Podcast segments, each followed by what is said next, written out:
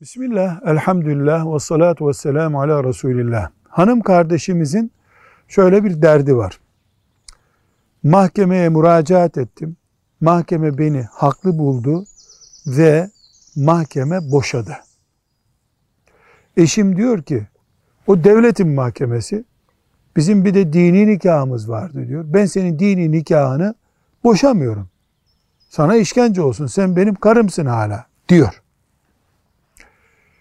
Hanım kardeşimiz de ya ben hem boşandım hem nikahım onda diye endişe ediyor. Diyoruz ki erkeğin boşama hakkı var buna talak diyoruz.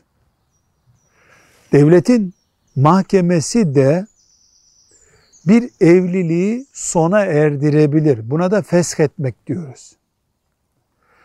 Eğer devletin mahkemesi bu evliliği bitirdim diye karar verir, imzalar. Bu da e, temyizden geri gelmezse, kadının eline boşadı diye mahkemede devletin mahkemesi boşandın diye verdiği karar bir bain talaktır. Tıpkı erkeğin boşaması gibi. Bain talak ne demek?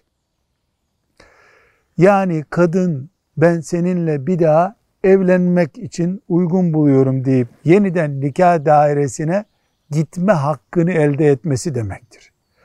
Dolayısıyla mahkeme boşadıktan sonra, feshettikten sonra aradaki nikahı, erkeğin ben dini nikahımı e, vermiyorum, boşamıyorum seni dediği sözün bir anlamı yoktur. Burada tek bir engel, yani mahkemeyi takmıyorum, kabul etmiyorum, işte devletin mahkemesini ben anlamam diyecek bir erkek meselesidir. Bu nasıl bir anlayıştır onu bilemiyorum. Velhamdülillahi Rabbil Alemin.